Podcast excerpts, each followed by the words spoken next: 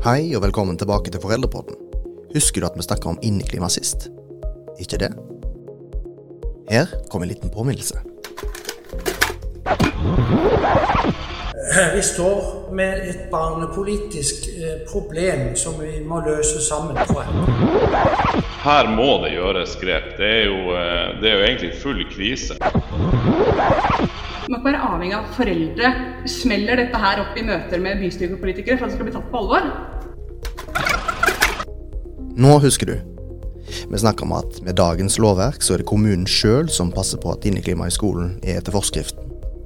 Mange kommuner slurver, andre gir seg sjøl dispensasjon og lar elevene sitte i dårlig klasseluft i årevis. Det er ikke så veldig lett å skrive på en PC hvis man har på deg votter. I dag skal vi prøve å komme fram til løsninger.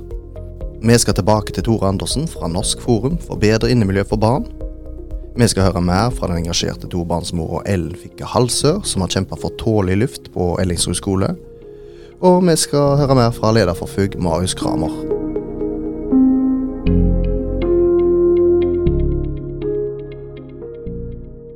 Aller først så skal vi tilbake til Oslo-skolen og etter hvert Ellingsrud skole. Oslo-skolen er notorisk. Din ansvarsbevisst å klatre på noen murpuss på en råtten vegg og gnikke på et trappegelender, er det det du mener? Ja, det er det jeg mener. Like før jul så meldte NRK at så mye som 15 000 elever i Oslo går på skoler som ikke er godkjent etter forskriften om miljøretta helsevern. Du husker den? Forskriften som sier at kommunene sjøl skal teste og sørge for at annet inneklimaet på skolen er bra. Men det er det altså ikke for 15 000 elever i Oslo, og for de tusenvis av elevene som har gått på Ellingsrud opp gjennom årene siden problemet ble dokumentert i 1999. Så da kommunen i 2016 nok en gang ga tommelen opp for videre bruk, var det nok for foreldrene. Nå skal vi få høre litt om hvordan de tok kampen for elevene og de ansatte. Først og fremst så har vi hatt et veldig godt samarbeid med skolen, og da særlig sånn vaktmester og ledelse, som har hatt god oversikt over historikken som har kunnet gi oss den dokumentasjonen vi har trengt, så vi ikke fremstår som en sånn hysterisk foreldregjeng eh, som bare vil ha ny skole, men at vi faktisk har, har fakta i bunnen her. Da. Vi kan dokumentere de tilsynene som har vært gjort, eller dokumentere inneklimamålinger sånn, som skolen selv har gjort. Og Det har vært veldig viktig. Og vi ville brukt ufattelig mye mer tid hvis vi skulle grave fram en sånn dokumentasjon sjøl. Så det har vært kjempenyttig. Og så har vi tatt direkte kontakt med ansvarlige fagetater i kommunen. Der har det vært veldig tilgjengelige byråkrater. Hyggelige byråkrater. Eh, det er mye gode krefter, og det er åpenbart at de vil oss vel. Men allikevel så butter det i systemet på noe vis. Så informasjonen når ikke opp til besluttende myndigheter. Og så har vi hatt kontakt med relevante politikere i bystyret, altså de som sitter i kultur- og utdanningsutvalget. Og der har vi også hatt veldig ja, positive opplevelser med lokaldemokratiet, rett og slett. Hvor nesten alle bystyregruppene har sendt en delegasjon til vår skole for å se på forholdene, høre på oss, eh, se dokumentasjonen. Og så har de tatt dette videre til bystyret. Eh, vi har også hatt kontakt med medier, elever. Skolen har stilt opp for intervjuer. Eh, skolen har også stilt opp til disse møtene med, med politikerne. Og det å få medieoppmerksomhet bidrar jo også til at altså den politiske oppmerksomheten holdes oppe, da. Vi har også vært så heldige at vi har fått masse engasjerte lokalpolitikere som da også har altså enten, enten bydelspolitikere eller bystyrepolitikere, som har eh, støtta oss offentlig i bystyremøter, som har eh, skrevet leserinnlegg i lokalavisa, som har tatt fram saken vår i nasjonale medier, og som også har stilt direkte spørsmål til ansvarlige byråder. Vi har også hatt kontakt med byrådsavdelingene. Og vi opplever jo alle, alle steder å bli tatt på alvor. Eh, så ja, mitt råd til andre foreldre i lignende situasjon er jo å gjøre seg kjent med lokaldemokratiet. Hvem er det som styrer og bestemmer, og så ta kontakt med rette instanser. Både i kommunen og politisk. Og gjerne koble, det til, koble media på også, for å sørge for oppmerksomhet. vi som jobba tettest med dette, her, hadde ikke noen spesielle forutsetninger eller kompetanse eller erfaringer som tilsa at vi ville klare dette her noe bedre enn noen andre. Men vi, altså takket være alle de innspillene som kom da, via Facebook og via eh, ja, folk som tok direkte kontakt med oss, så fant vi en vei. Fant hvor vi skulle henvende oss, hva, hva vi kunne bruke. F.eks. var det noen som tipsa oss om bydelsoverlegen, som kanskje hadde noe skulle sagt. Under eh, bydelsoverlegen finnes noe som heter en miljøretta helsevernkonsulent. Som så da, eh, altså fikk oversendt disse CO2-målingene vi hadde, da, som viste at eh, det ligger langt over FHIs anbefalte nivå hver dag i hvert eneste klasserom. Da tok de affære og kom på tilsyn. Det er så viktig å ha, en, ha, en, eh, ha, ha noe fullmaktig pålegg det har vist seg at det, det finnes jo ikke. For miljøretta helsevernkonsulent under bydelsoverlegen har levert sin tilsynsrapport som sier at inneklimaet er altfor dårlig. Og da får skolen en frist på noen måneder til å komme med en løsning. Og det er helt absurd. Skolen har jo ikke ressurser til å fikse et altfor dårlig ventilasjonssystem fra 1979. Eh, jeg kan også komme et eksempel fra vår naboskole, en barneskole, som hadde Arbeidstilsynet på tilsyn i 2011. De konkluderte da med at et brudd på forskrift om arbeidsplasser ved skolen, fordi det var for dårlig inneklima, og både elever og ansatte slet med, med helserelaterte konsekvenser av det. Men heller ikke det fikk noen konsekvenser. Nå skal det sies at den skolen nå er under prosess for nybygg, og vi fikk en god løsning også hos oss eh, på Ellingsrud ungdomsskole. Det, det, var jo allerede starta en prosess for rehabilitering som da ble stoppa i mai. Men nå har den blitt igangsatt igjen, og skolen vår skal få lov til å flytte ned i det erstatningslokalet som bl.a. er innreda med tanken på at skolen vår skulle inn der. Så selv om selve rehabiliteringa av skolen vår fortsatt er utsatt, så får i hvert fall alle elevene og lærerne og andre ansatte komme ned i godt ventilerte, topp moderne erstatningslokaler med god nok plass og alt, alt er vel. Så løsninga for skolen vår har blitt god. Men det lå jo ikke i kortene i mai i fjor at det kom til å bli løsninga. Det skyldes nok engasjementet. Det ble altså en god løsning for Ellingsrud skole til slutt, men eh, sånn systemet er rigga i dag, så ligger det an til at vi som foreldre er helt avgjørende for å få gjort noe med problemet. Det som jo er utfordringa for oss foreldre, dessverre, det er jo det at vi, de fleste av oss har jo ikke sånn livsløpsopphold som, eh, som FAU-medlem, eller, eh, eller, kan holde på med det i særlig troverdig grad etter at barna har gått ut av skolen. Marius Kramer er en leder for det nasjonale foreldreutvalget for grunnopplæringen. Eh, det kan være kanskje en liten overgangsperiode, men det er jo et stort kompetansetap år etter år i en skole, med mindre du klarer å holde kontinuiteten og krafta oppe. Veldig ofte, så i hvert fall kan jeg si med min erfaring, så skjer det at ok, du kommer kanskje inn på en investeringsplan, du kommer kanskje inn på en eller annen form for handlingsplan i kommunen, bare for et par år etterpå å bli eh, kasta ut av den samme planen. Og Da må nye foreldregrupper igjen finne opp kruttet og, og sette seg inn i til dels ganske tunge eh, tekniske utfordringer som gjelder den skolen de har barn på. Og Da, da er du på, på, ny runde igjen. Og Sånn kan på en måte kommunen dessverre, uten at jeg skal si at det er kynisk gjort av kommunen, eh, holde på da, uten at noe blir gjort, fordi at de har egentlig ingen kontrollinstans som slår ned, annet enn å se at det har vært tilsyn. De kan ikke gå inn i substansen av tilsynet. Men eh, hvordan burde det egentlig ha vært i en ideell verden? Hva skal vi gjøre for å ta tak i problemet som en helhet? Ja, nei, det er ikke det. det er, Her er Tore Andersen fra Norsk forum for bedre innemiljø for barn. Vi må se det sånn at det, det er ikke bare en kommunal oppgave heller. Eh, og så er det jo som vi har vært inne på, det er veldig viktig at foreldrene følger opp. Men det er ikke så lett for alle å gjøre, og det, det kan ikke være avhengig av det på den måten som det er i dag. Og da må vi også se det, tror jeg, som et, rett og slett et folkehelse Eh, perspektiv. Altså norske barn i barnehage og skoler nærmest fra null til 20 år. Eh, skal vi, skal vi gi de et dårlig miljø? Altså, det er en nasjonal oppgave å sørge for at dette blir ivaretatt på en ordentlig måte. Og da må vi i alle fall ha et faglig fornuftig tilsyn som vi har branntilsyn f.eks. Ingen diskuterer hvis det må gjøres noe brannendringer, eh, og så blir det gjort, altså. Og så er det greit. Og Sånn må det også være når det gjelder inneklima. Altså Det må det være kyndige folk som eh, har de tilsynene, og, og også at eh, de har makt og myndighet til å si at sånn og sånn må det være, og da får en rimelig frist til å gjøre det. Og Da vil ting rulle og begynne å gå.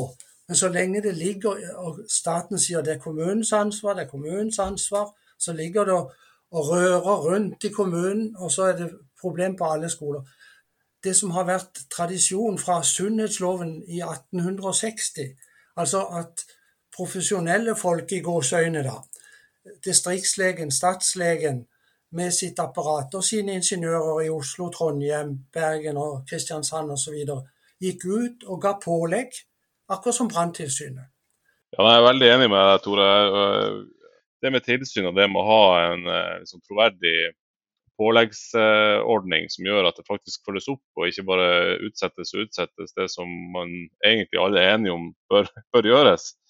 Eh, det, det, er en veldig viktig del av det som vi, vi må prøve å få orden på. Eh, og Det skal vi følge også prøve å jobbe eh, aktivt med. Og så tror vi jo at vi skal være flinke til å også nå ut med den informasjonen vi sitter med til de FAU-ene som strever med, med denne problemstillinga. For det er veldig mange foreldre som, som sitter litt alene og som kanskje ikke har hørt om FUG, og som kanskje ikke kjenner til denne forskrifta om miljøretta helsevern. Det er jo veldig mange nye ting som dukker opp etter hvert som man blir flinkere og flinkere som legmann. Eh, enkeltforelder, eh, så, så, så, skjønner man kanskje litt mer eh, år etter år. Eh, for det er eh, ganske komplisert eh, ting for, for, mange å sette seg inn i. Og så For en veldig mange andre deler av, av det offentlige så har du ordninger som gjør at det er lettere for en kommune å, å gjøre investeringer eller fornyinger av, av bygningsmasse eh, enn det er for skolebygg. Blant annet så vet vi at det er noen sånne type husbankordninger for, eh, for, for, mer bygging av, eh, av, sykehjem og eldreboliger og sånne ting, etter det vi forstår. da. Og Det kan jo være noe der vi bør se litt nærmere på og be politikerne eh, finsikte litt, eh, som gjør at det blir lettere for en kommune som kanskje står i en økonomisk spagat, som både skal investere i barna, de skal også investere i de eldre. Og, og, og, eh, og gjøre de rette valgene da, som, som, eh, som, også er gode for barn og unge.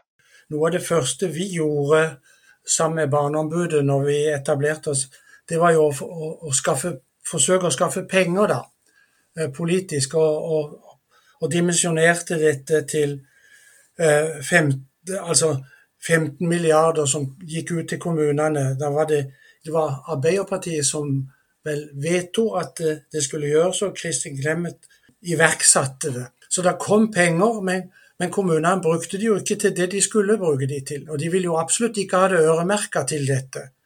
Eh, og jeg var til stede når det ble presentert i en konferanse i Larvik, og da sa jo Finans at eh, ja, de kan bruke det til det de passer. Det er jo kommunens frihet. Og, det har vært gjort den type bevilgning en gang seinere. Så, så, eh, på en eller annen måte så, så, kan man ikke bare slenge pengene ut i kommunen og så tro at de går til drift og vedlikehold i skoler eller oppgradering av det som er nødvendig.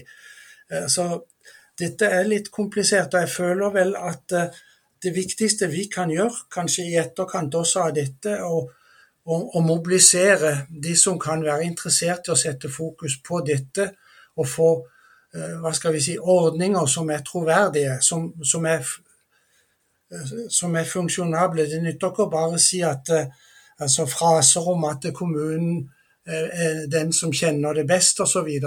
Det må til, som alle andre steder, en viss form for kontroll, ikke minst fordi det er barn. Eh, som, er, eh, som, har myndighet og makt. Det er det ene. Og så må det være kompetanse i, i, oppfølging, og det må være drift og vedlikehold som, som det må være krav til. Noe av dilemmaet for kommunen er jo det at disse eiendommene, skoler, i regnskapsmessig så er de jo i null. Altså, De har jo en verdi, men den verdien fremkommer ikke i regnskapssammenheng. Sånn at at vedlikehold er utgift, istedenfor det er med på å vedlikeholde den kapitalen de egentlig har. Altså, for ditt hus eller mitt hus, så vil jo husets verdi være avgjørende og vedlikeholde en positiv ting for å holde det ved like. I kommunale regnskaper fungerer det ikke sånn. Det burde det gjøre. Det burde være regnskapsført hva en skole er verdt, og at å vedlikeholde den kan være lønnsomt. Og så Det er mange elementer oppi dette som kunne medvirke til at uh, ting ville fungere mer uh, hensiktsmessig i forhold til sluttproduktet inne i miljøet. Ja, altså det er helt åpenbart at, at uh, rehabilitering av skolen vår har vært utsatt av økonomiske grunner. Det har jo skolen, nei, har kommunen sagt i flere omganger, altså helt siden uh, hva da, 2002 eller noe sånt. Så det å få øremerka midler til det, tror jeg ville ha kunnet hjelpe, ha kunnet hjelpe oss. Uh, og så tror jeg veldig på det Tore sa om, om uavhengig tilsynsmyndighet, som også har makt til å komme med pålegg for sånn som det er nå, i hvert fall i Oslo, hvor da tilsynsmyndigheten gir pålegg til skolen om å rette opp i dette her, så er det jo altså, Det gir jo ingen mening, fordi skolen ikke har noen midler til å fikse opp i så store problemer, da.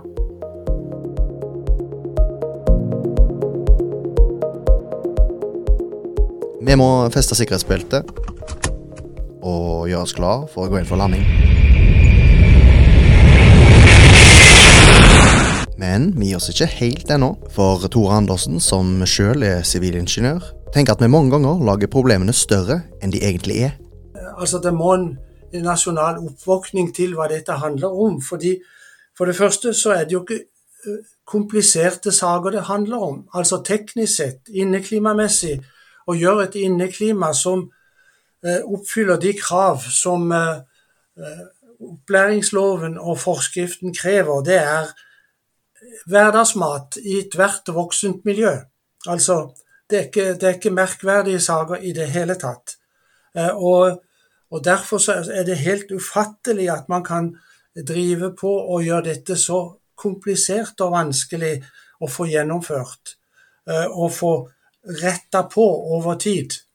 Disse, eh, og det kan være ventilasjonssystemet, det kan være varmesystemet, det kan være solavskjerming, det kan være hva søren som helst. Men når ikke det blir tatt tak i og tatt etter hvert, og at man har drift- og vedlikeholdssystem som er eh, konsistent, som ikke mister sine bevilgninger underveis, men at de, de, er, de er fastlagt til drift og vedlikehold av skoler og barnehager og hva det skal være, så, så holder man dette gående og eh, som du sier, den skolen Ellingsrud, den, den kan være en ypperlig skole.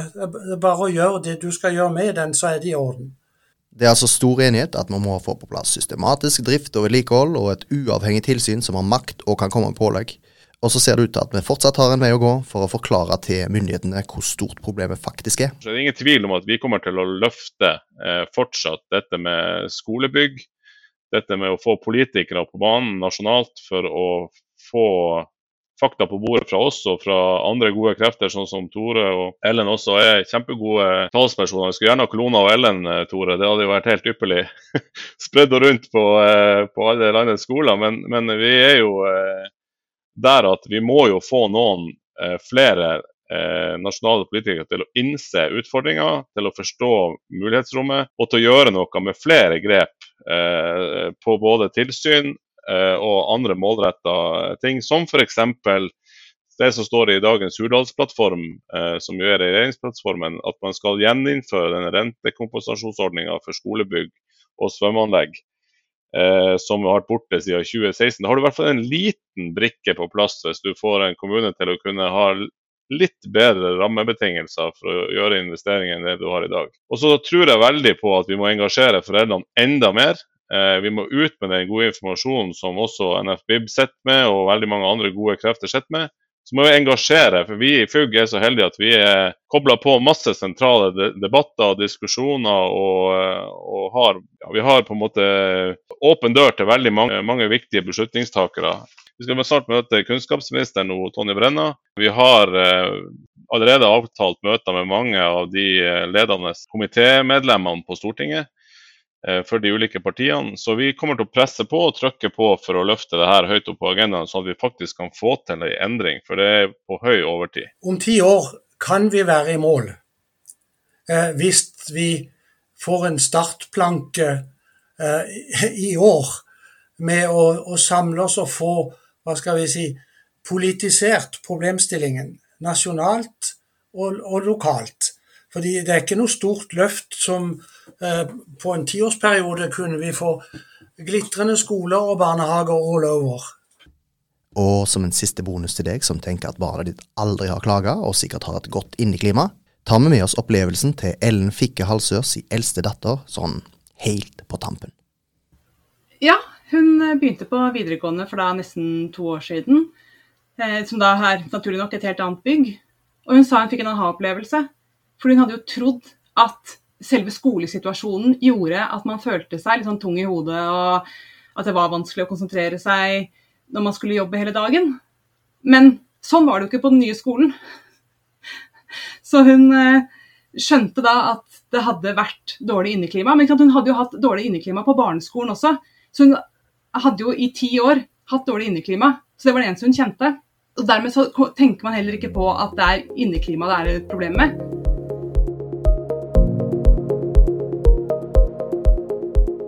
Mitt navn er Bjørnar Vika, og du har hørt Foreldrepodden, en podkast fra FUG. Lurer du på noe om inneklima, eller har du andre skole-hjem-relaterte spørsmål? Besøk oss på foreldreutvalgene.no, meld deg på vårt nyhetsbrev, eller følg oss på Facebook.